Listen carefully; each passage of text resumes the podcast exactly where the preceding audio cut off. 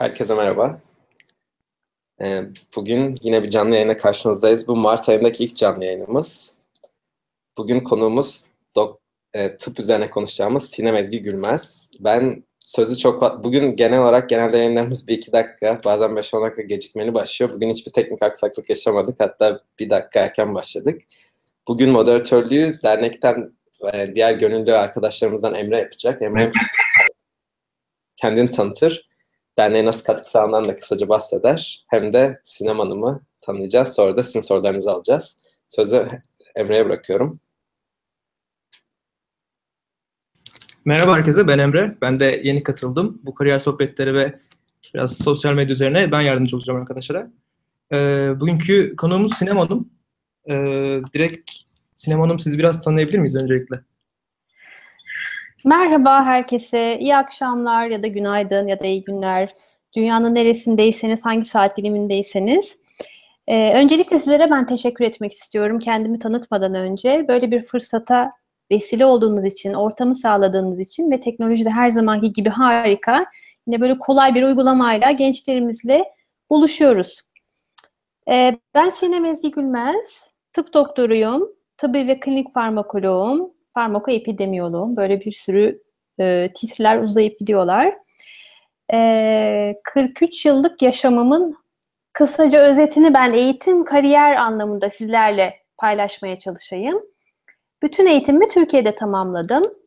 Ee, uzmanlık eğitimimi de aldıktan sonra yurt dışına çıktım ben. İşte ilkokulu önce Ahmet Vefik Paşa İlkokulu'nda bitirdim. Ortaokul ve lise Ankara Atatürk Anadolu Lisesi. Tıp fakültesi eğitimimi Ankara Üniversitesi Tıp Fakültesi'nde tamamladım. Yine uzmanlık eğitimimi de Ankara Üniversitesi Tıp Fakültesi'nde tamamladım. Uzmanlığımı aldıktan 10 gün sonra yurt dışına çıktım. Danimarka'ya uçtum. Odense'de Güney Danimarka Üniversitesi'nde klinik farmakoloji araştırma biriminde farmakoepidemiyoloji alanında çalışmalarıma başladım. İki yıl orada çalıştım, yaşadım. Ee, daha sonra daha orada çalışırken aslında Fransa'da tıp fakültesinden şu anda Bordeaux tıp fakültesinden bir davet aldım. Ee, o daveti kabul ettim. Danimarka'dan ayrılmayı kabul etmiş oldum böylece. Ee, 2007 yılında Bordeaux'a taşındım. 10 yıldır da yaklaşık Bordeaux'dayım. Yani 12 yıldır yurt dışındayım. İş ve kariyer anlamında kısaca böyle anlatabilirim. Çok teşekkürler. Gelen sorularla başlayabiliriz direkt. Ee, ilk sorumuz ne zaman doktor olmak istediğinizde karar verdiniz? çok güzel bir soru. Sorudaki yükleme ben daha çok bayıldım. Karar verdiniz diye sorulmuş. Çok teşekkür ediyorum kim ve sorduysa. Ee, yaşamınızın her aşamasında sadece iş ve kariyer değil ne yapmak istiyorsanız önce bir karar vermekten geçiyor yol. Öyle başlıyor.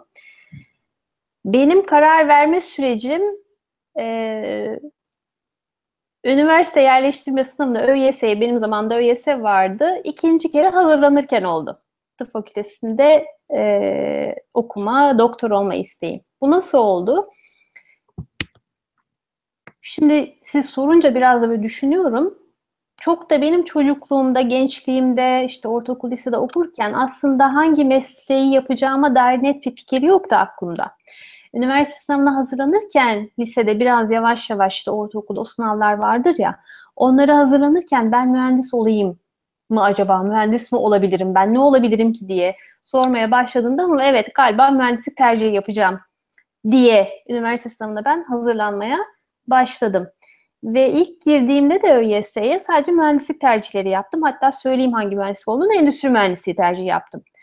Ama şimdi işin aslını sorarsanız bana endüstri mühendisi ne iş yapar?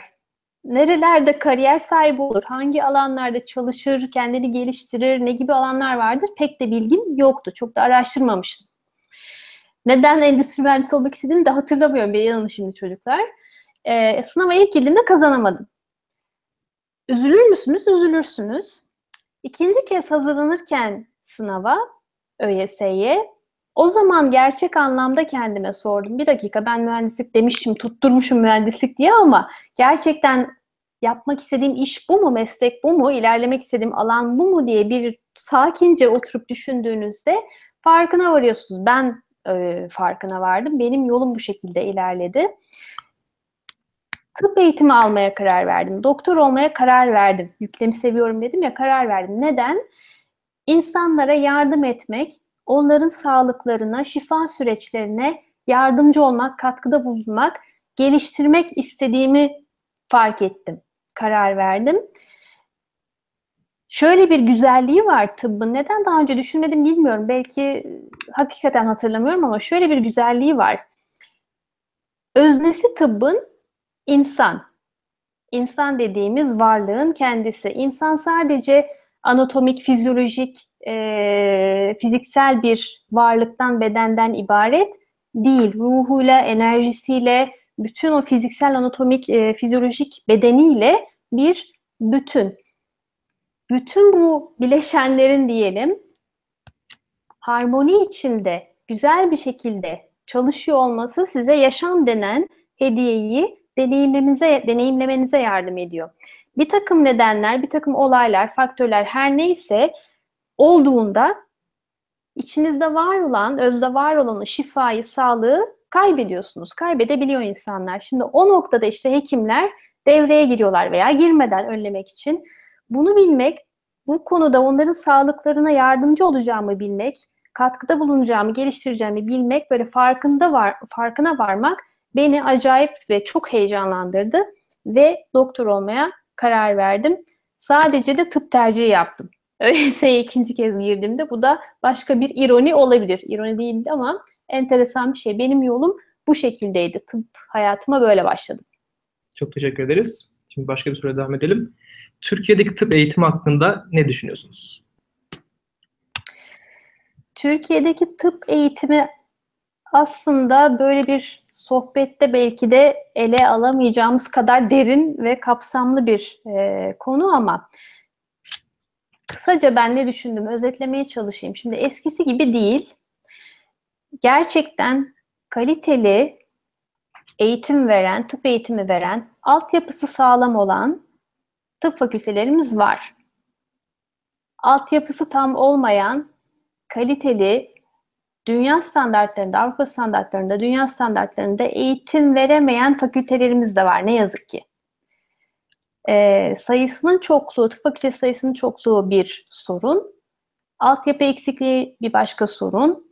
Ee, öğrencileri yetiştirecek öğretim üyesi, öğretim elemanı eksikliği bir başka sorun. Sorunlara girmeden şöyle yanıtlamaya çalışayım ben. Şimdi gittikçe gelişiyor elbette. Dünya standartlarına çıkıyor tıp fakültesindeki eğitim. Hem dünyada hem de ülkemizde. Bir gencimiz eğer tıp eğitimi almak istiyorsa, hekim olmak istiyorsa, tıp doktoru olmak istiyorsa benim önerim, evet önce tıp fakültelerinde e, bir seçim yapacak sınava girerken ama bir önce gidip araştırsın. Yerinde görsün. Fakülte yerinde görsün.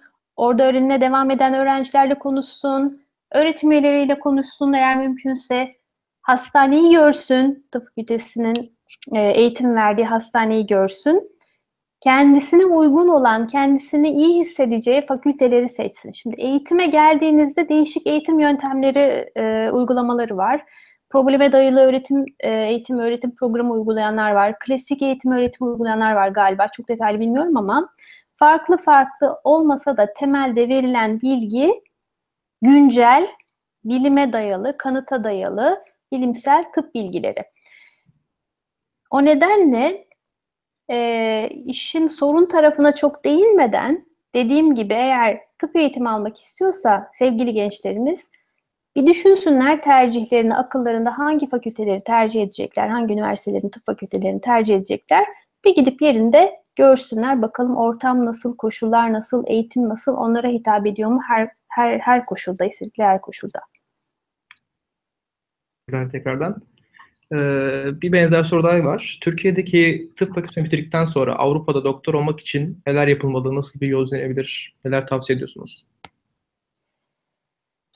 Ee, Türkiye'de tıp fakültesi bitirdikten sonra çocuklar, şimdi tıp o kadar geniş bir alan ki klinik bir branşın uzmanı olmayı seçebilirsiniz. Cerrahi bir branşın uzmanı olmayı seçebilirsiniz ya da temel bilimler veya klinik hekimlik içinde klinik, klinisyenlik barındırmayan olmayan bir alanda seçebilirsiniz.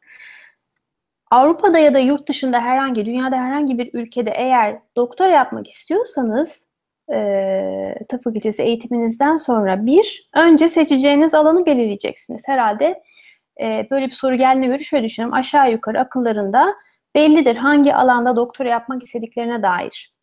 Cerrahsanız eğer bilmiyorum anatomi doktorası mı yapmak istersiniz veya e, dahili branşlardan e, uzmanlığınızı almışsınızdır veya almak istiyorsunuzdur. E, ilaç konusunda, farmakoloji konusunda doktor yapmak istersiniz belki. Önce bu yolu bir e, netleştirmek, karar vermek gerekiyor yine. Ondan sonra seçtiğiniz, belirlediğiniz, karar verdiğiniz alanda doktora yapma olanağı veren ülkeler var. O kadar çok ki artık bu. Yani artık e, dünyada yani doktora eğitimi de eskisi gibi değil. Çok da kolaylaşıyor. Kolaylaşıyor derken eğitimin kendisinden bahsetmiyorum. Yurt dışında doktora yapmak kolaylaşıyor. Ülkeleri bir netleştirin. Hangi ülkede o yapmak istediğiniz doktora alanındaki eğitim iyi, kaliteli, bilimsel, düzgün. Ülkeleri netleştirin, böyle bir eleme yapın veya sıralama yapın. Ondan sonra da üniversitelere bakmaya başlayın. Hangi programlar size uygun? E, tam zamanlı mı yapacaksınız? Eğer tam zaman yapacaksanız 3 yıl mesela. Yarım zamanlı mı yapacaksınız? Hani mesela bir yerde çalışıp bir yandan da doktoranızı mı yapacaksınız? Yarım zamanlı yaparsanız 6 yıl olabiliyor. E, doktoraya kabul edilme başvuru şartları var. Aşağı yukarı bellidir ama gene de başvuru yapacağınız ülkenin ve o üniversitenin e, bir takım kuralları var, şartları var. Bunları önce bir iyice öğrenip, irdeleyip araştırmak gerekiyor. Ondan sonra başvurularınızı yapın. Benim kendi sürecimi ben paylaşabilirim isterseniz eğer nasıl gelişti bende. Ee, ben bütün eğitimimi Türkiye'de tamamladım, uzmanlık eğitimimi. Ee, ondan sonra yurt dışına çıktım. Uzmanlık eğitimimi yaparken de aslında yurt dışına çıkma planım, heyecanım vardı. Niyetim ve kararım vardı. Hatta bir tane de denemem olmuştu. Yani bir başvuruda bulunmuştum ama mesela o yıllarda aklımda farmakoepidemiyoloji yoktu. Başka bir alandaydı. Başka bir alandaki doktora programına başvurdum. O başvuru süreci de şöyle olacaktı. Yani oraya kabul edilmiş olsaydım eğer Türkiye'deki uzmanlık eğitimimi bırakacaktım. Yarım bırakacaktım. Bir nedenle kabul edilmedim. Ama o süreçte üzüldüm mü üzüldüm. Şimdi zorluklardan bahsediyoruz hani ama üzüldüm mü üzüldüm ama şimdi düşünüyorum geriye dönüp baktığımda iyi ki de kabul edilmemişim. Çünkü ondan sonra o süreci yaşarken yurt dışına çıkmak istiyorum ben ama ne alanda çıkmak istiyorum, hangi alanda çalışmak istiyorum sorusunun yanıtı netleşti bende. Ondan sonra yani farmakoepidemiyoloji netleştikten sonra ben ülkelere, üniversitelere, bu alanda araştırma işte çalışma olanağı sağlayan e, üniversitelere bakmaya, araştırmaya başladım. Bu şekilde gelişti bendeki süreç. Sevgili gençlerimize de böyle bir e, naçizane tavsiyede bulunabilirim aşama aşama yapmak istedikleri alanı belirlesinler, doktora yapmak istedikleri alanı belirlesinler. Sonra ülkeler, üniversiteler hangi koşullarla kabul ediyor, hangi şartlarda kabul ediyor? Siz hangi ülkede yaşamak istiyorsunuz? Bu da çok önemli. Uzun bir süreç. 3 yıl az e, kısa bir süre değil. Hangi ülkede yaşamak sizin de hoşunuza gider. Hem çalışırken hem doktoranızı yaparken bunları böyle bir düşünüp netleştirip ondan sonra yolculuklarına başlasınlar. Çok teşekkürler. Ee, bir diğer sorumuz, e, yurt dışında doktor olarak çalışmak istiyoruz. Bu bir şey, bu şey için ne yapmamız gerekiyor? Ne yapabiliriz? Tavsiyeleriniz nelerdir?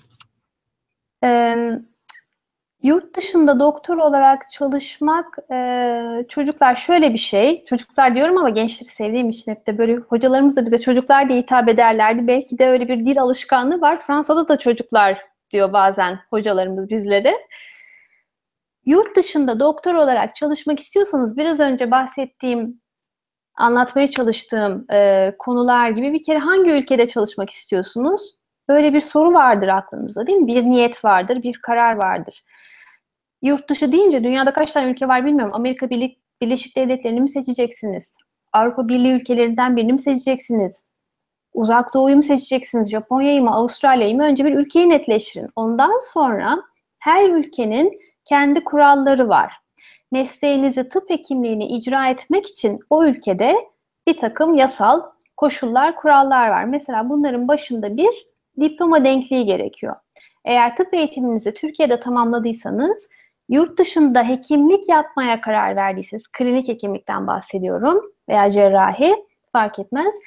Hasta görecekseniz, hasta tedavi edecekseniz eğer tıp fakültesi diplomanızın denkliğini almanız şart. Tıp fakültesi diploması denkliğinin alınabilmesi için de bir e, dünyada zaten böyle bir şey yok. E, otomatik bir hani denklik verme e, yöntemi, kurumu yok. Avrupa Birliği içinde bile yok. Kaldı ki Fransa veya Danimarka'da biliyorum. Bu iki ülkenin içinde bile yok. Yani başvurduğunuz, çalışmak istediğiniz fakültede, eğer fakültede çalışacaksanız onların da kendi kuralları, kriterleri var. Diploma denkliğinizi almak için e, bir takım Fransa'dan örnek verebilirim ben. Bazı kuruluşlar var, resmi kurumlar, kuruluşlar. E, onların web sayfalarını isterseniz sonra paylaşabiliriz. Orada e, istenilen gerekli belgeler, nereye başvuracaklar, ne zaman başvuracaklar, neler gerekiyorsa hepsi detaylı bir şekilde belirtilmiş durumda. Eğer klinik hekimlik yapmayı düşünmüyorsanız, klinisyenlik yapmayı düşünmüyorsanız, benim gibi sadece mesela araştırma alanında kalmak istiyorsanız, o zaman tıp fakültesi diploması denkliği şart olmayabiliyor. Yani birebir hasta görmeyeceğiniz için, hasta tedavi etmeyeceğiniz için, sadece araştırma yapacağınız için e, tıp fakültesi diploması denkliği gerekmeyebiliyor ama bunun da bir takım şartları, kuralları var e, elbette. Başvuru yapacağınız, çalışmak istediğiniz üniversitenin bir takım e, kriterleri var. Eğitiminizle ilgili, durumunuzla ilgili, e, gittiğiniz kalacağınız ülkenin dilini biliyor musunuz? Yabancı dilini konuşabiliyor musunuz? Ve konuşabilecek düzeyde misiniz? Bir takım böyle e, kriterler var. Yurt dışında çalışmak zor bir şey mi? Ben klinik hekimlik yapmadığım için söyleyemem ama kendi alanımda söyleyebilirim. Şimdi bir şeye zor diye yaklaşırsanız her şey zor olur çocuklar. Zor gelir, arkasından bir sürü problemleri siz kendiniz davet edersiniz. Zorluklar olmayacak mı? Güçlükler olmayacak mı? Elbette olacak. Sizin önemli olan sizin o güçlüklere, o pürüzlere, o sorunlara yaklaşımınız, bakış açınız. Niyetiniz, kararınız net ve kesinse zaten o sorunların, problemlerin, pürüzlerin üstesinden bir şekilde gelirsiniz ve bu sizi daha da güçlü kılar. Başarının tadını, hazzını daha çok da alırsınız, daha zevkli bir şekilde alırsınız hem kendinize ilham olursunuz hem de sizin gibi e, gerek yurt dışında çalışmak isteyen ya da yurt içinde de olabilir hekimlik yapmak isteyen, yapan herkese ışık olursunuz yürüdüğünüz yolla e, ve başarılarınızla. Ben yeterli Teşekkür oldum. ederiz. Şimdilik yeterlidir. Tamam. Bir diğer soru ben lise son sınıf öğrencisiyim. Eğer girebilirsem tıp fakültesinde okumak istiyorum. Bazı tavsiyeleriniz ne, neler olabilir? Soru çok enteresan gelmiş. Eğer girebilirsem demiş. Bence e, karar versin. İstiyorsa zaten hekim olmak, tıp doktoru olmak istiyorsa zaten olsun ve bir şekilde olur. Bu sınavda kazanamazsa ikinci kez girer, ikincisinde kazanır ama illaki e, tıp fakültesini kazanır. Konuşmamın hani bir başka soruda da söylediğim gibi hekim olmaya karar verdiğinizde dediğim gibi yaşadığınız şehirde varsa eğer bir tıp fakültesi veya yakınlarda o, o, o fakülteleri bir ziyaret edin. Ortamı görün. Oradaki öğrencilerle, abilerinizle, ablalarınızla konuşun. Asistan abilerinizle, ablalarınızla konuşun. Yani uzmanlık eğitimlerini e, yapan, sürdüren, uzman olan abilerinizle, ablalarınızla konuşun. Yapabiliyorsanız tıp fakültesindeki hocalarınızla konuşun. Hocalarla konuşsunlar. E, nedir ne değildir? Eğitim nasıldır? Hastanesi nasıldır o tıp fakültesinin? Olanakları nelerdir? Bunları iyice bir araştırmayı e, denesinler, öğrensinler. Ben kendi adıma mesela yine bir örnek verebilirim kendi yaşamımdan.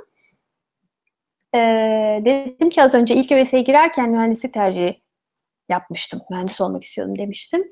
O yıl örneğin ben Ankara'daki, Ankara'da doğdum büyüdüm. büyüdüm.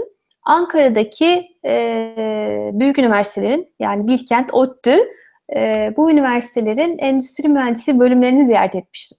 Oradaki öğrencilerle konuşmuştum. Mesela tıp fakültesinde okumaya, hekim olmaya karar verdikten sonra ise mesela ben tıp fakültelerini araştırmadım ama büyük fakülteleri yazdım. İstanbul ve Ankara tercihleri yapmıştım. Fakat e, tıpta uzmanlık sınavına hazırlanırken örneğin yine e, İzmir'de galiba hem Ankara'da kendi fakültemi biliyordum ama diğer fakülteleri de bir de İzmir'e gittim. E, tercih o zamanlar da şimdi onu da başka bir şekilde anlatırım isterseniz İlk e, tıpta uzmanlık sınavına girerken ben pediatri tercihi yapmıştım. Pediatrist olmak istiyordum. Pediatri bölümlerini ziyaret etmiştim. Oradaki e, uzmanlarla, asistanlarla, öğrencilerle konuşmuştum. Ortamı yerinde görmüştüm.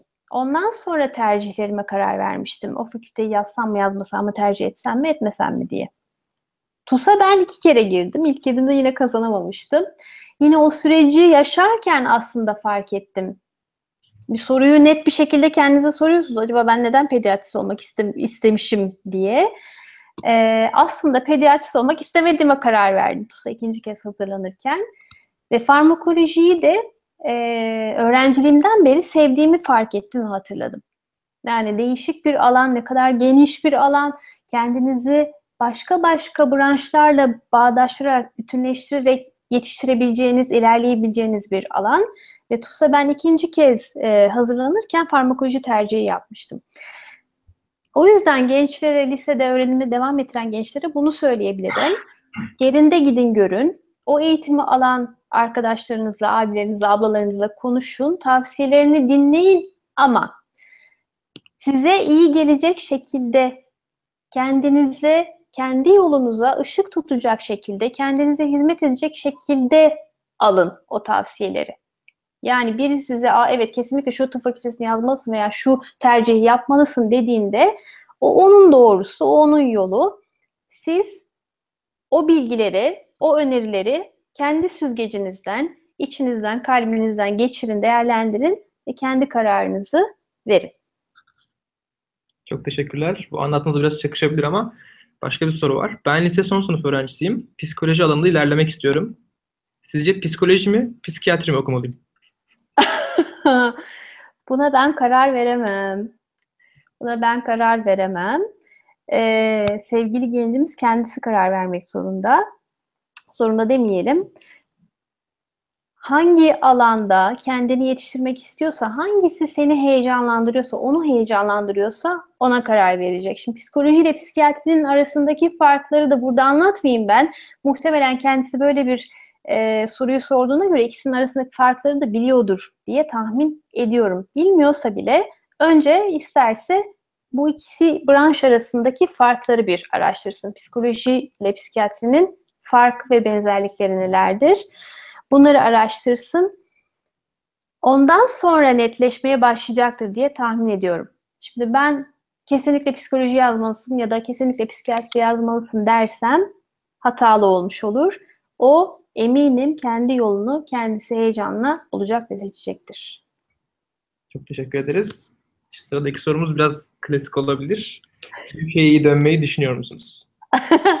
Çok klasik ee, ve benim yurt dışına çıkmayı düşündüğümden, karar verdiğimden beri, çıkmadan önceden beri yani e, bana yöneltilen bir soru. Yakın arkadaşlarım, çevrem, herkes tarafından sorulan bir soru. Sanırım bir tek de ben değilim. Yurt, dışı, yurt dışına çıkan herkese soruluyor bu soru. Hayatlarında bir kere de olmuş olsa soruluyor. Türkiye'ye e, dönmeyi şu anda ben düşünmüyorum. Fransa'da yaşıyorum, Fransa'da çalışıyorum. 10 yıl oldu. Bu kararı vermem de aslında son e, birkaç yıldır e, net bir karar. Fransa'da kalmaya karar vermek. Yurt dışına çıkmaya karar verdiğimde ta asistanlık eğitiminden bahsediyorum, uzmanlık eğitimi yaparken o yıllarda böyle bir net kararım yoktu. Yani yurt dışına ben çıkacağım, bir gün mutlaka Türkiye'ye döneceğim. Ya da yurt dışına çıktım ben tamam artık ömrümün sonuna kadar yurt dışında kalacağım diye bir e, net karar vermemiştim. Yolumu yürürken, hayatı deneyimlerken, işimi yaparken karşıma çıkacak fırsatları, olanakları, yaşamın kendisini değerlendirirken, deneyimlerken karar vermeye karar vermiştim. Fakat e, güzel şeyler oldu. Yani Danimarka'da iki yıl çalıştıktan sonra mesela Fransa gündemde yoktu. Ben Danimarka'da kalmaya niyetliydim. Bir süre, bir süre daha, birkaç yıl daha kalmaya niyetliydim ve bunun olanaklarını araştırıyordum ve olacak gibiydi de aslında. O sırada Fransa'dan bir davet alınca Danimarka'da kalmak muhteşem bir şeydi. Çok hoşuma gitmişti. Hem iş alanında hem e, yaşam, normal sosyal yaşam alanında her alanda. Fransa'yı biliyorum. Fransızcam var. Orası da güzel bir ülke. Olanakları süper. Davet almışım. Başka bir grup, başka bir ekip, başka bir alan. İkisinin arasında böyle bir dilemma gibi bir şey olmuştu. Ama Fransa'ya gelmeyi seçtim. Ee, ve işler yani zorluklar olsa da güzel gitti, güzel devam ediyor ve Fransa'da kalmaya karar verdim.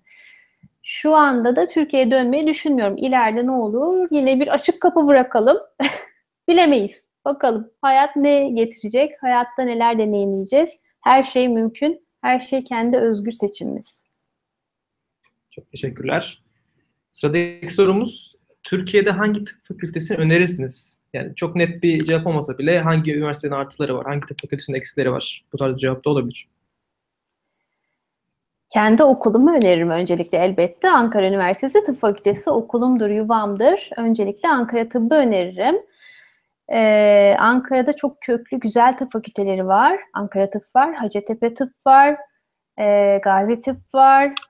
İstanbul'un fakülteleri çok güzel, İstanbul'daki tıp fakülteleri ve İzmir. Antalya çok güzel, bildiğim kadarıyla Adana çok güzel. Yeni açılan tıp fakültelerini bilemiyorum. E, nispeten gençler ama bu saydığım üç büyük ilimizdeki e, tıp fakülteleri artık köklü, e, eğitimleri kaliteli, altyapıları sağlam, kendi muhteşem üniversite hastaneleri olan tıp fakülteleri. Özel tıp fakültelerini bilmiyorum. E, vakıf üniversitelerini çok bilmiyorum. O yüzden e, bir yorum yapamayacağım, bir şey söyleyemeyeceğim. Ama yine genel e, görüşümü paylaşabilirim. E, yapabiliyorlarsa, olanakları varsa herhalde önce bir şehre karar verecekler. Hangi şehirde yaşamak istediklerini. Ondan sonra o şehirde var mı tıp fakültesi? E, oraya gidip ziyaret etsinler, ortamı yerinde görsünler. E, bu, bu Bunu yapmak çok kolay çocuklar. Yani gidip bir gününüzü ayırıp e, veya iki gününüzü e, oraları ziyaret etmek, görmek, yerinde görmek ortamı, kendinizi biraz biraz hazırlamak hiç olmazsa e, yapılabilecek güzel bir şey olabilir bence. Yine de Ankara Tıp diyelim. Yuvama bir ışık ve selam gönderelim değerli hocalarım ve herkese. Teşekkür ederiz tekrardan. Ee, sıradaki sorumuz genel olarak başarısızlıklarınızdan bahsettiniz başarısından da bahsettiniz. Kendinizi sürekli nasıl motive etmeye başardınız? Hiç umutsuzluğa kapıldığınız olmadı mı? Oo, başarısızlıklarımdan bahsederken çocuklar sizlere ilham olmasını e, seçtim. Başarısızlığın tanımını siz kendiniz yapın. Başarısızlık ne demek? Yani sınavdan düşük not almak mı? Bir sınava iki kere girmek mi? E, sınıfta kalmak mı? Hangisi? Bunun tanımı sizin kendinizde o zamanlar için başarısızlık böyle bir şey. Böyle bir tanım. Fakat bütün bu tırnak içinde başarısızlıklar diyelim benim şu anda elde ettiğim başarıların temeli oldu.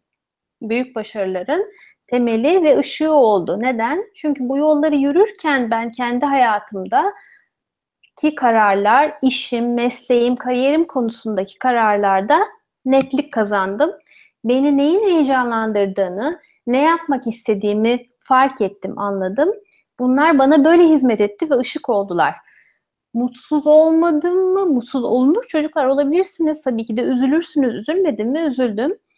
Önemli olan, yine biraz önce de söylemiştim, sizin bu tür sorunlara, böyle pürüzlere, başarısızlıklara her neyse yaklaşımınız olmadı yapamıyorum diye pes etmeyi mi seçiyorsunuz? Yoksa bir dakika böyle bir şey yaşadım ben. Yani dünyanın sonu değil ama bir dakika bir şeyin farkına vardım. Benim yapmak istediğim aslında bu değilmiş. Aa bu bana bu şekilde hizmet etti. Buradan bunu öğrendim.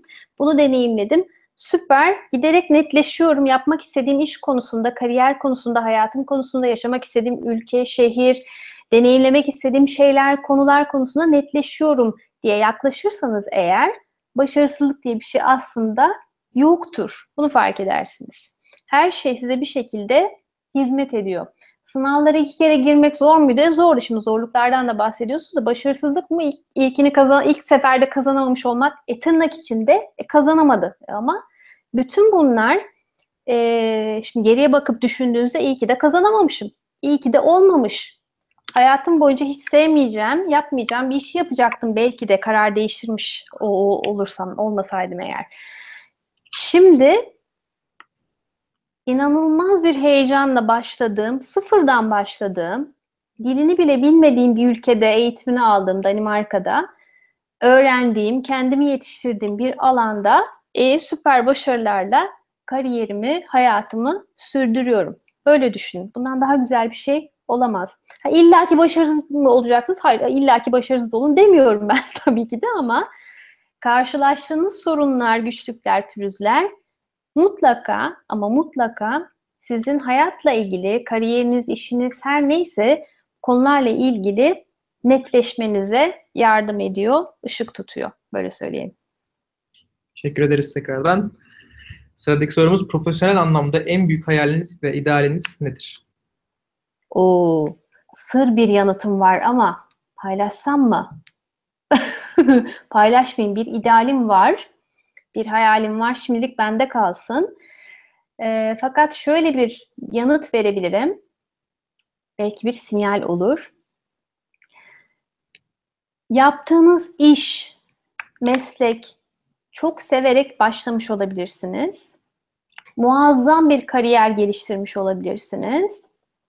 Yine aynı işi devam ettirmek, aynı işi, aynı mesleği yapmaya devam etmek isteyebilirsiniz fakat farklı bir şekil, farklı bir yol, farklı bir ortamdır belki artık sizi heyecanlandıran. Bilmem anlatabildim mi? Yani bir mesleği bir ortamda, bir kurumda, bir iş yerinde yaparken, icra ederken, işinizi, kariyerinizi devam ettirirken aslında içinizde yanan başka bir heyecan olduğunu derinlerde keşfedip fark edebilirsiniz ve o yolda yürümeye başlayabilirsiniz. Bu da bence muazzam bir özgürlük. Bu ne demek? Kariyerinizi ya yeniden yaratırsınız ya da başka bir şekilde, başka bir yolda daha da yükseğe taşırsınız. Çok gizemli bir yanıt verdim farkındayım. Ama çok derin mesajlar var. çok teşekkür ederiz. Bir sonraki soru, e, ben de tıp okumak istiyorum ama ülkenin içinde bulunduğu durum, doktorlara gerekli önemin verilmemesi beni çok üzüyor. Yurt dışında okuyacak maddi imkanım yok. Sanırım ne önerirsiniz, tavsiyeniz nedir tarzı bir soru.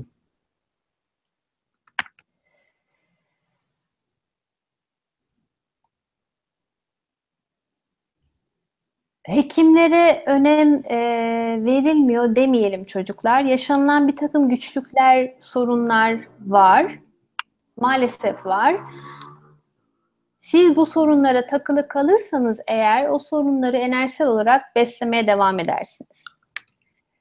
Önemli olan yine aynı şeyi söylüyorum. Sizin bakış açınız, sorunlara yaklaşımınız.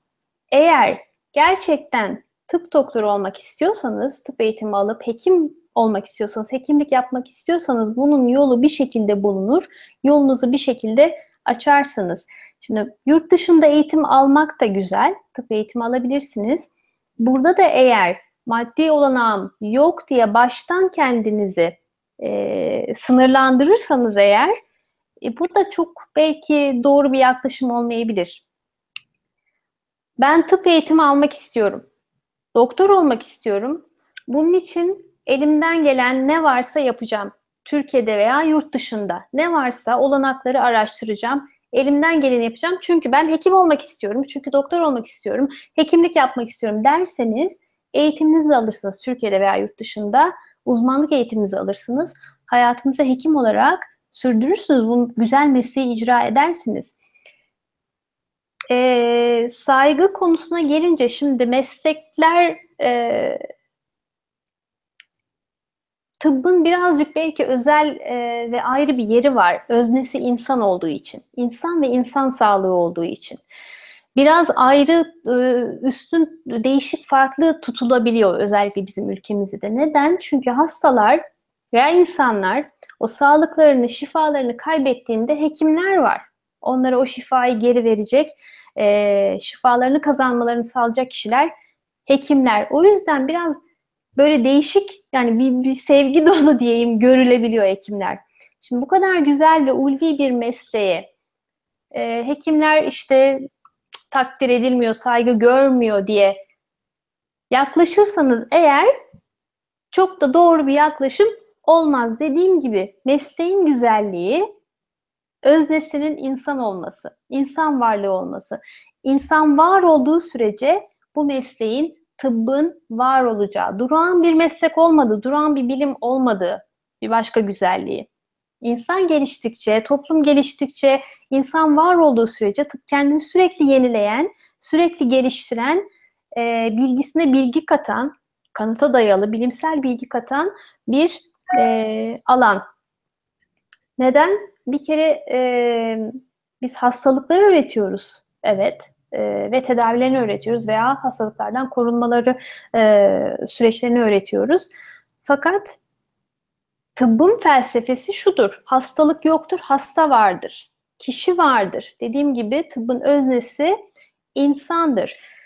Zaten böyle bir güzellikle yaklaşırsanız eğer bu mesleğe dediğim gibi olumsuz, kötü olaylar, durumlar, yaklaşımlar sizi çok da etkilemez. Üzülürsünüz ama mesleğinizi yapmak için, kariyerinizi yapmak için, hekim olmak için sizi etkilemez yolunuzda yürürsünüz çocuklar. Burs konusunda belki biraz daha açıklık getirebilirim. Şimdi maddi olanak olmayabilir. E, bu bir kısıtlama, sınırlama olmamalı. Eğer yurt dışında tıp eğitimi almak istiyorsa olanaklar var. Benim yurt dışına çıkmaya çalıştığım yıllardaki gibi 12-13 yıl öncesindeki gibi değil çocuklar. Artık o kadar çok olanak e, burs e, opsiyonları var ki. Hükümetler arası bir takım burslar var.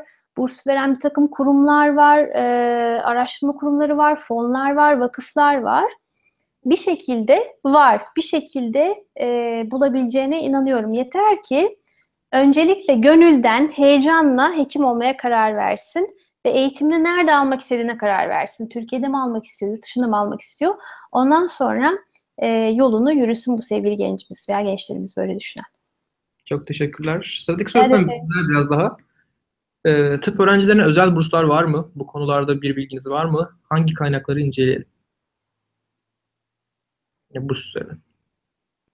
E, tıp öğrencilerine burs derken e, fakülteyi bitirdikten sonra mı doktora yapmak için mi bir, çok anlayamadım ama e, çok da net bilgim yok ama şöyle söyleyebilirim.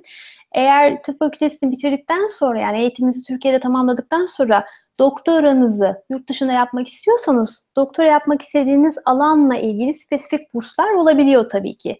Yani genetik alanında, farmakogenetik alanında mı uğraşacaksınız mesela çalışacaksınız. Onunla ilgili burs veren kurumlar var. Bunlar e, belirli dönemlerde zaman zaman duyuruluyor internette. E, şu alanda çalışma yapmak üzere mesela işte doktora e, pozisyonu açılmıştır diye veya doktora sonrası eğitim açılmıştır diye pozisyonlar duyuruluyor. Bunları kolaylıkla bence internette e, arayıp bulabilirler. Çok spesifik olarak benim söyleyebileceğim hani tıp öğrencilerine yönelik e, şu şu şu burslar vardır diyebileceğim bir kaynak yok. Ama dediğim gibi çok kolay açıl- öğrenebilirler bunu internetten. E, zaman zaman yani çok sıklıkla duyurular yapılıyor. Bizim Türkiye'de de var, TÜBİTAK'ın duyuruları var. E, onları da takip etsinler lütfen e, olanaklar eskisinden çok daha fazla. Teşekkür ederiz.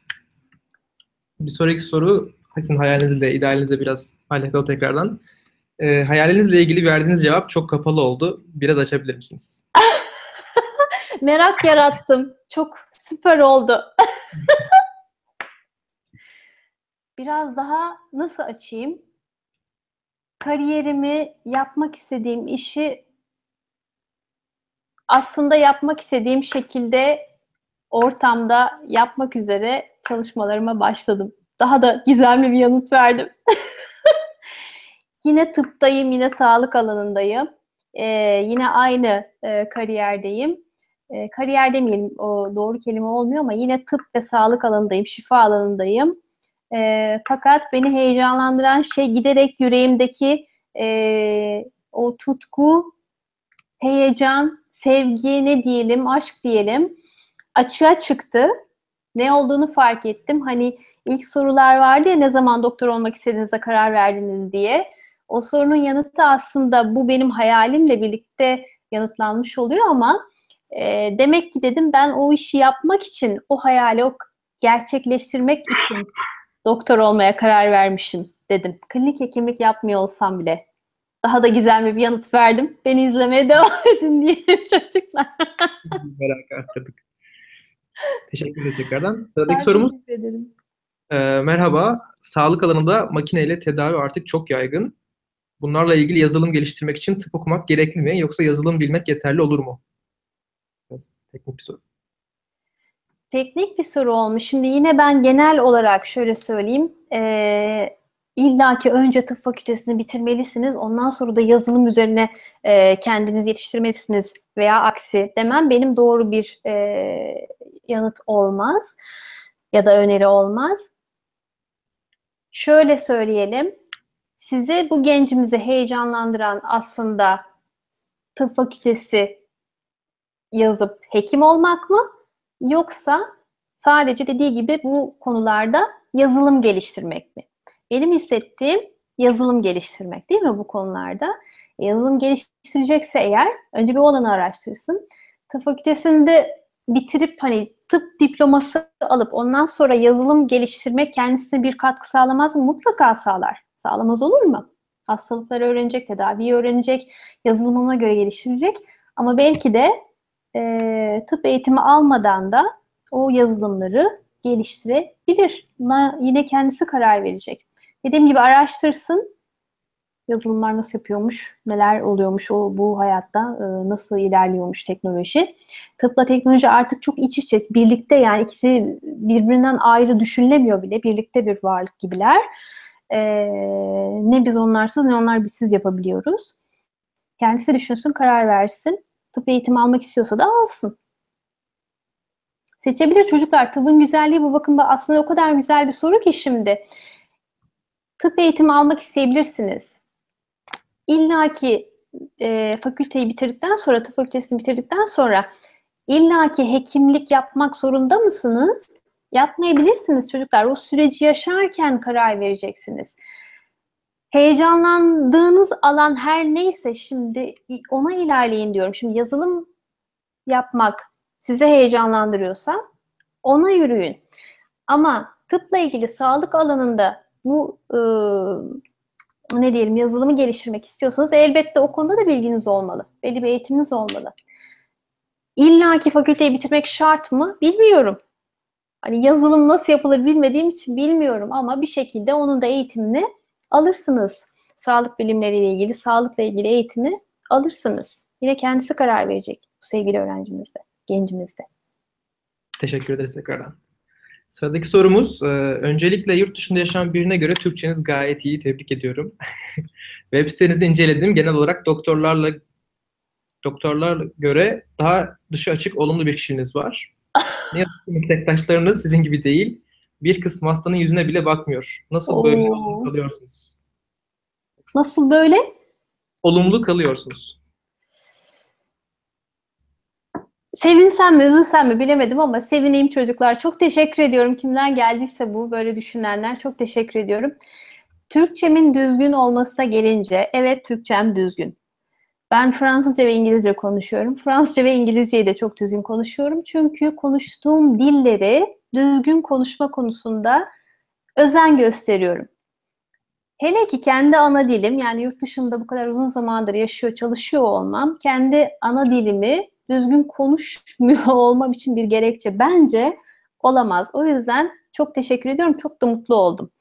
Ee, böyle bir iltifat, nazik iltifatı aldığıma. Şimdi hekimlerin benim gibi olmaması gelince, benim gibi demeyelim, e, güler yüzlü olma, herkesin kendi e, duruşu var diyelim kibarca. Ben hayatımı genel anlamda güzel gören, hayatın güzel taraflarını gören, bir sorun olsa da, pürüz olsa da, mutsuzluklar, üzüntüler olsa da onların içinden geçip ne öğrendim, ben bundan ne edindim, deneyim olarak ne kazandım, kendimi nasıl geliştirebilirim diye yaklaşan e, bir kişiyim. Son zamanlarda, son birkaç yıldır da kendimi bu konuda daha da yetiştirmeye, geliştirmeye çalışıyorum. Ee, o yüzden herkesin bir duruşu, bir hayat tarzı var diyelim. Benimkisi de böyle. İlham ve ışık olabiliyorsam ne mutlu bana. Umarım olmuşumdur, oluyorumdur. Çok teşekkür ederiz. Bence oluyorsunuz. teşekkür ederim. Size Gülmek ilham... güzeldir çocuklar. Gülmek çok güzeldir. Kimse yani dayanamazsın. Somurtuk bir suratı kimse sevmez. Gülümseyin yani 10 dakika şu gül, gülümseme yüz kaslarınızı tutun. Ee, birebir ne diyelim ilaç diyelim hani ilaçlardan farmakolog ya bir de e, ilaçlardan bahsediyoruz. En güzel tedavi diyelim kendiniz için ve herkes için. Işıltılı bir gülümseme. Teşekkür ederiz. Sıradaki sorum size ilham olan bir hekim var mı? Kendinize örnek aldığınız biri var mı?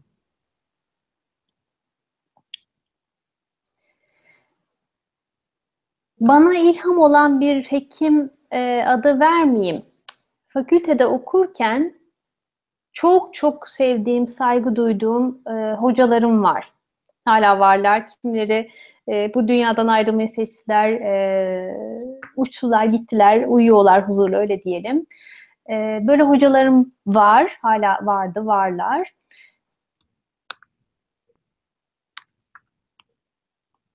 Kendim kendime ilham olmayı seçiyorum diyeyim.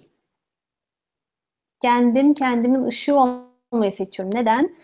Ancak ben güzel ve ışıklı olabilirsem çevreme, arkadaşlarıma, aileme, yaptığım işte, kariyerde, e, iş arkadaşlarımla her yerde doğada ışıklı ve ilhamlı olabilirim.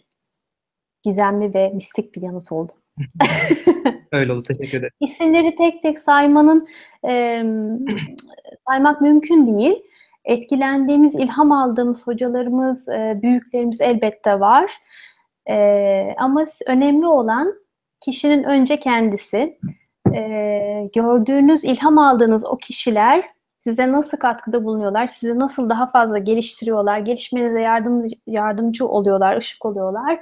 E, bu daha önemli bence. Çok teşekkür ederiz. Sıradaki sorumuz, şimdi yeniden üniversiteye dönseniz neleri farklı yapardınız? Ee, öğrenci olarak mı? Tıp fakültesinde evet. mi? Evet. Neleri farklı olarak yapardım? Herhalde hiçbir şey farklı olarak yapmazdım çocuklar. Çünkü neyi ne zaman yaşadıysam, nasıl yaşadıysam, neyi yaşamayı, nasıl yaşamayı seçtiysem, karar verdiysem o an için, o koşullarda, o durumda, o ezgi için, o yıllardaki ezgi için en doğrusu oydu. Geriye dönüp benim değiştirmek istediğim hayatıma dair, eğitimime dair, e, ortaokul, lise ya da e, fakülte veya uzmanlık veya yurt dışına çıktıktan sonra hiçbir şey yok. Hepsi de dediğim gibi o koşullarda, o durumdaki, o, o andaki, o konuları düşünen, yaşayan, deneyimleyen Ezgi için doğruydu. Tıp fakültesi eğitimini e, sürdüren veya eğitim almak isteyen gençlerimize belki şöyle bir tavsiyede bulunabilirim. E, eğitimin zorluklarından, fırsatlardan, altyapı olanaklarından bahsettik ya. Eğitimlerini sürdürürken, tıp fakültesi eğitimlerini sürdürürken yapabiliyorlarsa bol bol hasta görmeye çalışsınlar. Şimdi nasıl bilmiyorum fakültelerde e, olanaklar nedir bilmiyorum ama ben öğrenciyken mesela e, stajlara başladığımızda 4. 5. sınıfta e, nöbetlere kalırdım. Akşam nöbetlere kalırdım. İzin alıp hocalardan veya serviste sorumlu hocadan izin alıp nöbetlere kalırdım. Bol bol hasta görmeye çalışsınlar. Çünkü e, biz teorik bilgileri veriyoruz üniversitede ve tıp fakültesinde ama önemli olan o bilgileri hekim adaylarımızın diyelim, meslektaşlarımızı şimdiden aslında öyle söylemekte yarar var. Doktor hanımların, doktor beylerin o bilgileri özümseyip gerçek hayata aktarabilmeleri. Bir hastayla karşılaştıklarında o bilgiler beyinlerinde var ama o hasta için uygun mu? O hasta için hangisi uygun? Hangi tedavi süreci uygun? Bunları gerçek hayatta uygulayabilmeleri. Bunun için de bol bol hasta görmelerinde yarar var gerçek hayatta. Bunu sadece önerebilirim.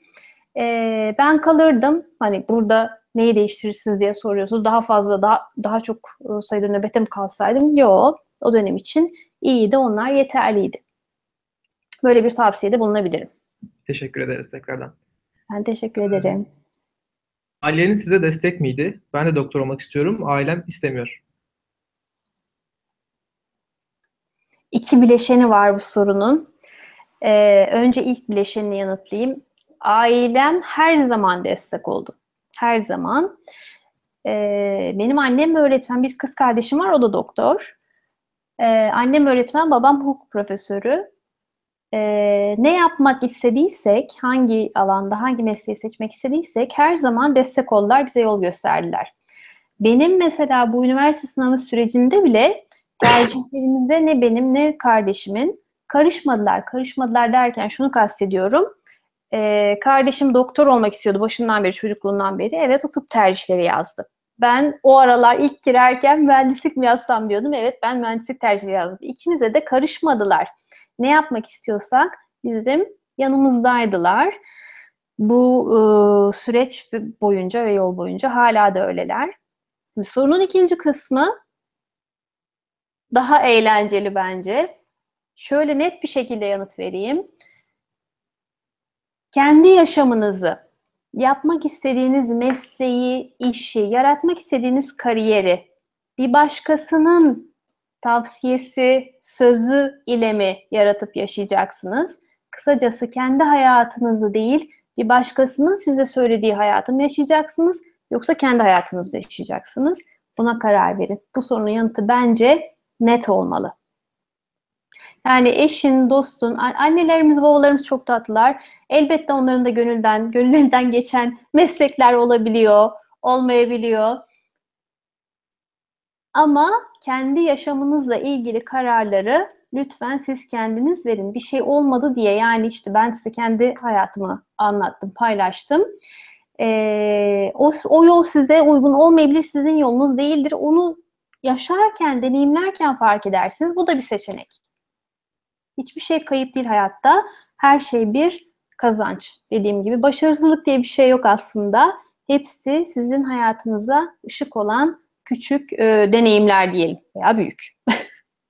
Teşekkür ederiz. Sıradaki sorumuz. E, ben de doktor olmak istiyorum ama daha lise 1'deyim. Bir insanı kurtarmak, ona hayat vermek fikri beni çok heyecanlandırıyor. Ama ailem bu iş dizilerdeki gibi değil. Sana uygun diyor. Bana önerebileceğiniz kitaplar, online dersler var mı?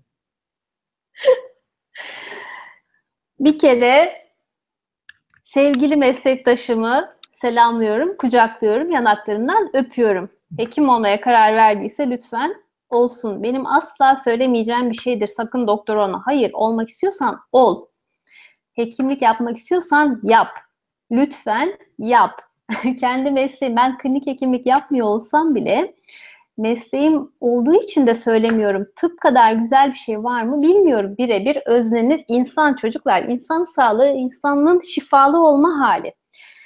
Şimdi dizilere bakıp da lütfen hekimliği e, televizyonlarda gördüğünüz gibi yorumlamayın. En e, kibar şekilde böyle söyleyebilirim, yorum yanıtlayabilirim bu soruyu. Hekim olmak istiyorsanız lütfen olun. Eğitiminizi tamamlayın. Kendiniz kendi kararınızı verin. Dizileri bu işe karıştırmayın.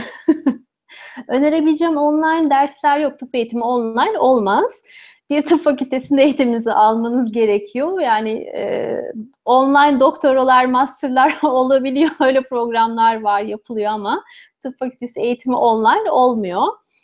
E, lise 1'deyken daha yeni e, yeni bu iş başındasınız. E, bir bakın bakalım, konuşun hekim olan e, kişilerle, bu mesleği icra eden kişilerle.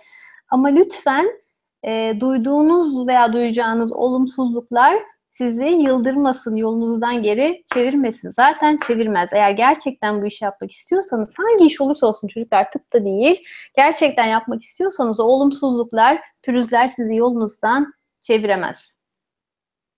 Teşekkür ederiz. ben teşekkür ederim.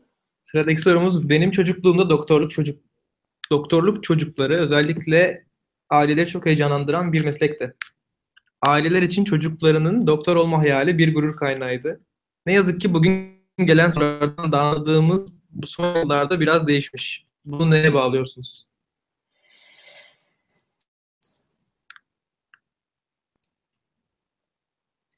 Ben mesleğin icrasına e, değinmeyeyim. Yine tıbbın güzelliğine değinmek istiyorum. Çünkü şimdi e, anladığım kadarıyla şöyle bir şey var. Tıp eğitimi almak istiyor gençlerimiz.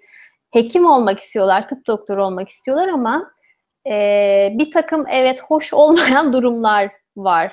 Sadece ülkemizde değil, bütün dünyada olabiliyor maalesef. Yani Fransa'da da doktorların çok e, memnun olmadığı alanlar, anlar, zamanlar olabiliyorlar. Greve gidiyorlar mesela. Şimdi bütün bunlara odaklanırsanız eğer e, tıbbın güzelliğini de üstünü örtmüş olursunuz. Odağınızı sorunlara çevirirseniz sadece sorunları büyütürsünüz. Ama siz bakış açınızı ya evet böyle bir sorun var, böyle bir şeyler oluyor. Ben bunu düzeltebilir miyim acaba? Bir e, çözüm bulabilir miyim? Çözümün bir parçası olabilir miyim? Ben bu işi çok severek yapıyorum veya yapmaya karar verdim. Yapacağım, kendimi bu alanda yetiştireceğim, hekim olacağım, işte uzmanlığımı yapacağım veya doktoramı yapacağım, şunları şunları yapacağım. Böyle bir takım sorunlar var. Bunları düzeltmek, e, çözüm bulmak için ben ne yapabilirim diye düşünüyorsanız eğer bakış açınızı bu şekilde tutarsanız bence naçizane çok daha yararlı olursunuz. Hem kendinize hem e, bu güzel mesleğe diyelim icrasına hem de tıbbın kendisine. Tıp size çok teşekkür eder. Teşekkür ederiz. Ee, sıradaki soru arkadaşın sorusundan aklıma geldi. Dizilerde çekilen, dizilerde çizilen doktor portreleri ne kadar doğru? İzlediğiniz bir doktor dizisi var mı? Sanırım. Arkadaşımız. Ee, çocuklar ben uzun zamandır, uzun zaman derken hakikaten birkaç yıl oldu televizyon izlemiyorum. Önce bunun altını çizeyim. Ee, dolayısıyla dizi hiç izlemiyorum. Üzgünüm. Hani dizilerde çizilen doktor profili nedir onu da bilmiyorum. E, fakültedeyken ama şöyle bir şey söyleyeyim. Şimdi dizilerin reklamını yapmayalım. E, Acil Servis Emergency diye bir yabancı dizi vardı. Bilmiyorum. Benim zamanımda öyle bir dizi vardı. E, onu izlerdim. Ama uzun yıllardır televizyon izlemiyorum dediğim gibi. Dizi de izlemiyorum.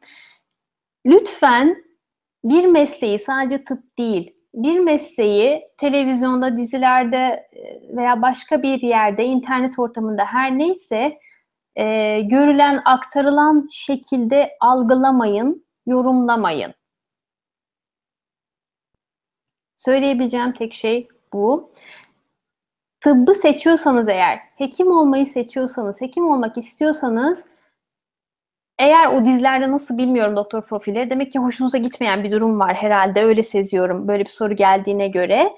E, o zaman siz aslında bu güzelliği, bu tıbbın güzelliğini ön plana çıkarmak için, belki de yeniden hatırlatmak için eğer o kadar kötüyse, yeniden hatırlatmak için, güzelliğini ön plana çıkarmak için çözümün bir parçası olmayı seçin lütfen. Aslında ben biraz bilgilendireyim. Ben de çok yakın değilim ama Türk dizilerinde çizilen doktor profili aslında daha iyi, olduğundan daha iyi bir profil çiziliyor. Yani yani yabancı dizilerde de doktorlar yani çok böyle öne çıkarılıyor. Pozitif bir algı var. Yani sonra sanırım oldu gözüktüğü kadar güzel mi tarzı bir soruydu. ee, her mesleğin kendine göre koşulları, zorlukları var. Çalıştığınız ortama göre, ülkeye göre de değişiyor. Ülkede başka şehirlere göre değişiyor. Üniversite hastanesinde mi çalışıyorsunuz? Özel hastanede mi? Özel polikliniklerde mi? Kendi e, muayenehanenizde, özel klininizde mi çalışıyorsunuz? Fark etmez. Televizyonlarda veya internet ortamında gösterilen profillerle bir meslek grubunu lütfen değerlendirmeyin vereceğim mesaj naçizane bu olur. Yani tıp için değil sadece diğer meslekler içinde, diğer meslek grupları içinde geçerli. Televizyona, internete bakıp da e, bir değerlendirmede, yargıda lütfen bulunmayın. Gidin eğitimi veren fakültelerde e, araştırın, üniversitelere gidin, araştırma kurumlarına gidin, ortamı görün. Bunlar çok kolay çocuklar. Yani yakınınızda tıp fakülteleri, yakınınızda yaşadığınız şehirde mutlaka vardır, yakınlarında vardır başka bir şehirde, yakındaki bir şehirde tıp fakültesi vardır. E, oralarda gidin, yerinde görün ortamı, araştırın. e, bilginin doğruluğunu öncelikle siz araştırın. Hemen e, doğru ya da yanlış, iyi veya kötü diye değerlendirip lütfen kabul etmeyin. Çok teşekkür ederiz. Aslında vaktimiz doldu ama birkaç soru daha var. Sizin de vaktiniz varsa soralım mı, devam edelim mi yoksa? Benim vaktim var, yapabiliriz eğer size de uygunsa tabii ki memnuniyetle. Çok güzel gidiyor, çok hoşuma gitti benim. Ne kadar güzel sorular geliyor işte tahmin etmiyordum. Çok teşekkür ediyorum, hepinizi öpüyorum. Biz de teşekkür ediyoruz herkese. Sıradaki soru, bugün Türkiye'de Sağlık Bakanı olsanız ilk yapacağınız icraat ne olurdu? Oo, bunu kendime saklasam. bir tane bir şey olmazdı, birkaç tane bir şey olurdu. Var yanıtım ama bunu kendime saklayayım. Ee, belki de bu soru şöyle bir şeye vesile olabilir. Ee, akademisyenler, sağlık otoriteleri yani buna Sağlık Bakanlığı ve diğer e, kurumlar dahil ilaç firmaları kendi alanım olduğu için söylüyorum ve ilaç ürettikleri için e, sağlık profesyonelleri bir araya gelip böyle kapsamlı toplantılarla, detaylı toplantılarla belki e, konuşup yüz yüze ülkemizin sorunları, öncelikleri, öncelikli ihtiyaçlarını e, ortaya koyup çözüm önerilerinde bulunabiliriz. Böyle güzel bir yanıt vermeye çalışayım. Ne yapmak istediğim icraat olarak bana kalsın. Peki, teşekkür ederiz. Ee, tıp 10 yıl sonra nerede olacak? Yani ilerideki gelişmeleri nasıl görüyorsunuz? Neler olacak? Neler göreceğiz?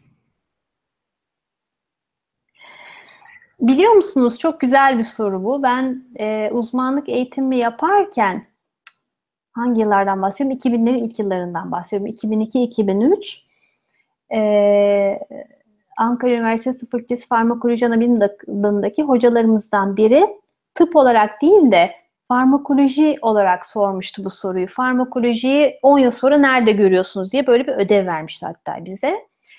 O zaman şimdi siz sorunca hatırladım. Ben yazdığım ödevi hatırlıyorum. Böyle herhalde çipli ilaçlar olacak. Bir takım manyetik bir şeyler veya bir, bir takım işte aletler geliştirilecek. Biz hastaların ne olduğunu hani anlayabileceğiz, tanıyı koyabileceğiz, işte tedaviyi daha kolay e, planlayabileceğiz tedavi sürecini gibi e, böyle sanki o yıllarda hani düşünürken bunlar fantastikmiş gibi geliyordu ama şimdi zaten o şekilde ilerliyor. Teknoloji o kadar ilerliyor ki az önce de söyledim tıp ve teknoloji artık bütünleşmiş gibi ikisi birbirinden ayrılmıyor.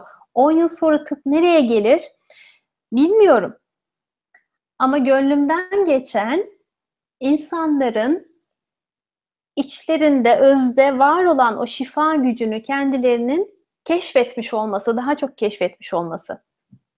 Sağlıklarını, o şifalı hallerini korumak için kendilerine daha çok özen ve bakım gösteriyor olmaları. Sadece fiziksel, e, bedensel e, rahatsızlıklardan ve hastalıklardan bahsetmiyorum. Bir bütün olarak kendi içlerinde var olan şifayı keşfetmiş olmaları.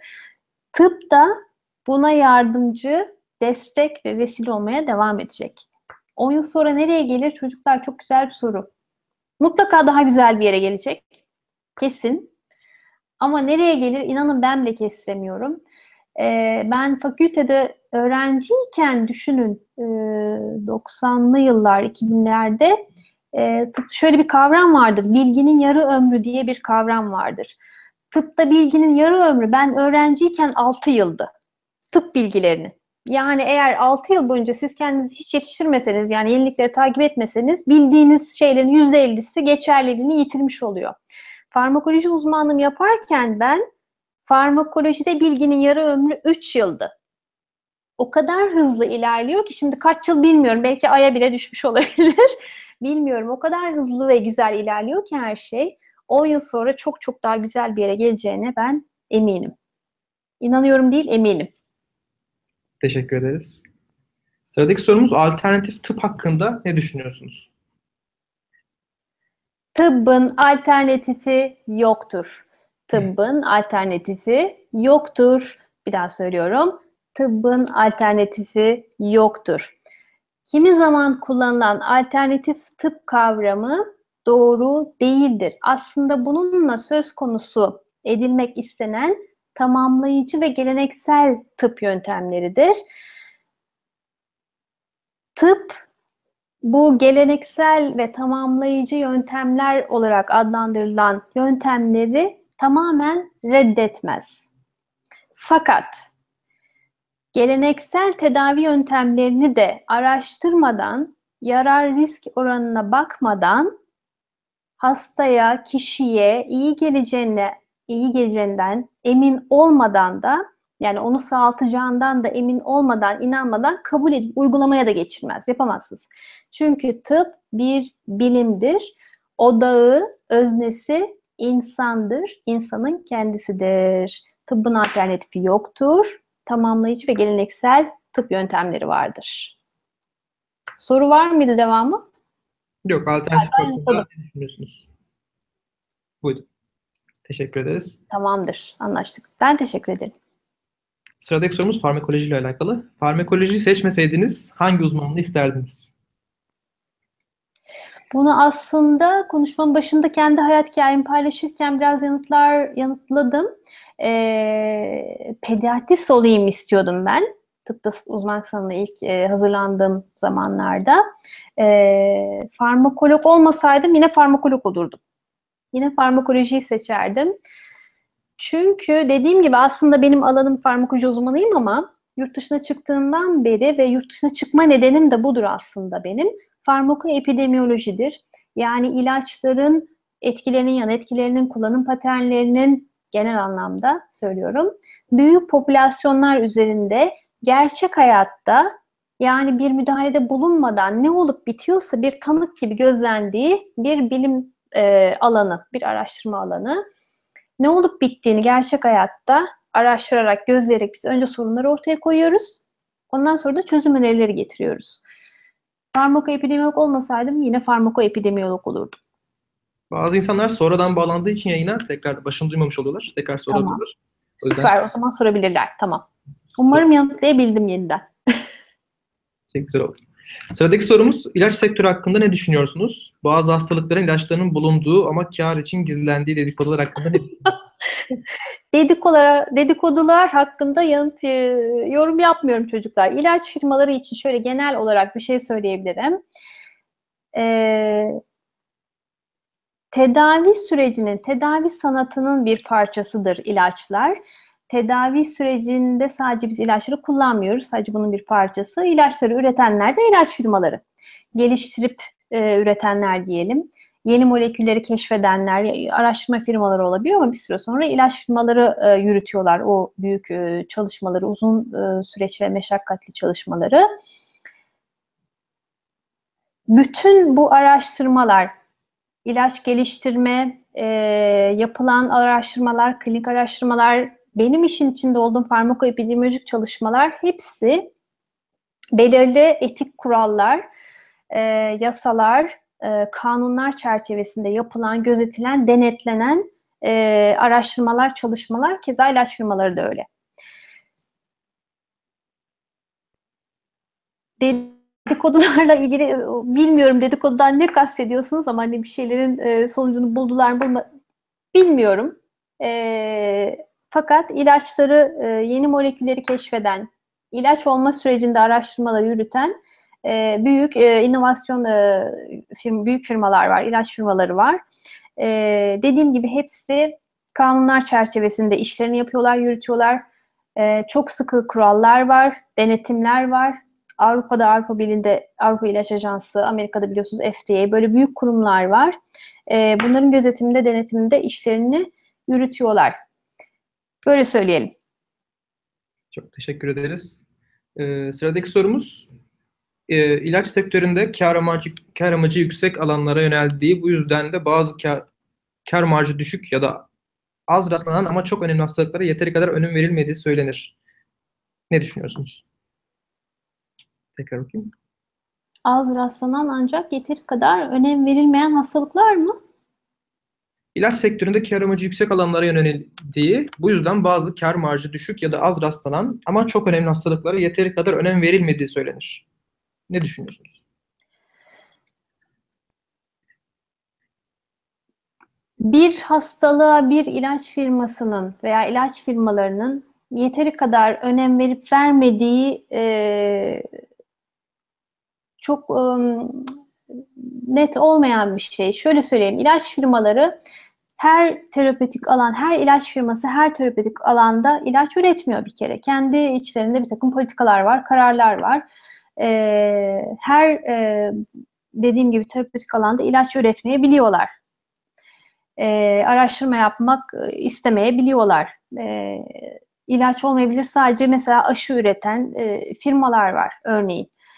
Ee, önemli, önemsizle neyi kastediliyor bilmiyorum ama e, bu, bu onların kendi kurumsal kararlarıdır. Hangi terapötik alana yönelecekleri, hangi e, hastalıkların tedavisiyle ilgili ilaçlara yönelecekleri, o ilaçların araştırılması, geliştirilmesi, üretilmesiyle ilgili çalışmalar yapacakları e, onların kendi kurumsal kararlarıdır. E, çok da bir, e, bir bir kişinin veya bir başkasının hani şu firmada illaki şu alanda şu bilmiyorum işte kardiyovasküler alandaki bütün hastalıkları tedavi eden ilaçları üretsin diyemezsiniz. Ee, önemli, önemsiz konusunda da çok katılmıyorum. Çocuklar bütün hastalıklar önemli. sık görülmüyor veya çok sık görülen hastalıklar var. Elbette prevalansına göre bunlar e, önem açısından ele alırsanız başka bir konu. E, ama bütün hastalıklar önemlidir. Neden? E çünkü insanı şifa sürecinden ayıran e, bozukluklardır diyelim, e, durumlardır. Önemsiz olmayan hiçbir hastalık yoktur. Basit bir nezle, grip dediğiniz şey bile, nezle bile, soğuk algınlığı bile önemlidir. O yüzden e, önemli, önemsiz demeyelim. O da başka bir e, alan konu ama e, dediğim gibi e, kendileri karar verirler. ilaç firmaları, kurumlar karar verirler. Bir terapötik alanda e, ilaçları vardır ürettikleri, geliştirdikleri. Çıkmaya karar verebilirler. Kar marjı diye düşünmek, e, sadece buna sınırlamak e, çok da doğru olmayabilir. Eninde sonunda bakarsanız evet çocuklar yani ilaç firmaları, ilaçları üreten firmalar adı üstünde. Elbette satacak, üretecek, elbette karını da bakacak ama sadece kar etmek amacıyla e, bir ilaç grubuna, bir hastalık grubuna, bir terapötik alana yöneliyorlar diye düşünmek e, çok da doğru bir yaklaşım olmayabilir. Çok teşekkür ederiz. Ee, sıradaki soru son sorumuz sanırım. Ee, tamam. Benim güzel bir sorum var size. Size sonradan nasıl ulaşabilirim, yazabilirim, nasıl iletişime geçebilirim? Arada bir soru. Ee, e-mail ile iletişime geçebilirler benimle. E-mailimi paylaşabiliriz isterseniz bilmiyorum ya da web sayfamı ziyaret edebilirler. Ee, orada da iletişim bilgilerim var, e-mail adresim var. Tamamdır. Çok teşekkür ederiz. Ben teşekkür ederim. E-mailimi paylaşabiliriz isterseniz bilmiyorum ya da web sayfamı ziyaret edebilirler. Ee, Ufak bir gecik... Pardon. Ufak bir gecikme oldu. Mikrofonum yeter. Özür dileriz. Seste bir aksama oldu mikrofonun. Çok teşekkür ediyoruz. Sorular, aslında benzer sorular var bundan sonra ama hepsi birbirine benziyor. Ee, yayına biraz geç açan arkadaşlar olmuş. Onlar tekrar izleyebilirler baştan. Birkaç tane size özelden soru sormak isteyenler var. Onlar da web sitelerinden bakabilirler. Tamam. Ee, biz çok teşekkür ederiz yayına katıldığınız için. Sizin son sözlerinizi alıp kapatalım istiyorsanız. Tamam. Ben çok teşekkür ediyorum. Yayına katılan herkese teşekkür ediyorum. Umarım ilham ve ışık olabilmişizdir. E, bu fırsatı ve bu olanağı sağladığınız için tekrar teşekkür ediyorum. Ben çok keyif aldım bu sohbetten. E, devamı da gelsin inşallah diyelim umarız. Başka ortamlarda, başka şekillerde. E, son sözüm şu. Hekim olmak istiyorsanız çocuklar olun. Çocuklar diyorum yine. Doktor olmak istiyorsanız lütfen olun. Yurt dışında doktora yapmak istiyorsanız lütfen yapın. Bunlar hep sizin kendi kararlarınız, özgür seçimleriniz. Sonuna kadar arkasında durunuz kararlarınızın ve kendi yaşamınızın. Hiçbir şey e, zor değil. Zor gibi görünen şeyler aslında size ışık ve yardımcı olacak noktalar. E, hayatınızı deneyimlerken e, size yardımcı olacak noktalar. E, yurt dışında çalışmak, okumak eskisinden artık daha kolay. Bir sürü olanak var. Benim öğrencilik yıllarımdan olduğundan daha fazla olanaklar, fırsatlar var. E, lütfen doktor olmak istiyorsanız olun, yurt dışına çıkmak istiyorsanız çıkın. Nasıl istiyorsanız hayatınızı lütfen karar verip o şekilde yaşayın. Kendiniz olun. Çok teşekkür ederiz biz de. Biz de çok keyif aldık sizi ağırlamaktan. Nerede görüşmek üzere. Şimdi yeni bir Görüşmek üzere. Tamamdır. iyi günler. Bir hafta sonraki yayınımızda buluşmak üzere. Haftaya pazar olacak yayınımız arkadaşlar. 12 Mart pazar Türkiye saatiyle 8'de olacak bir dahaki yayınımız. Görüşmek üzere iyi günler. Tekrar teşekkürler Sinem Hanım'a da. Teşekkür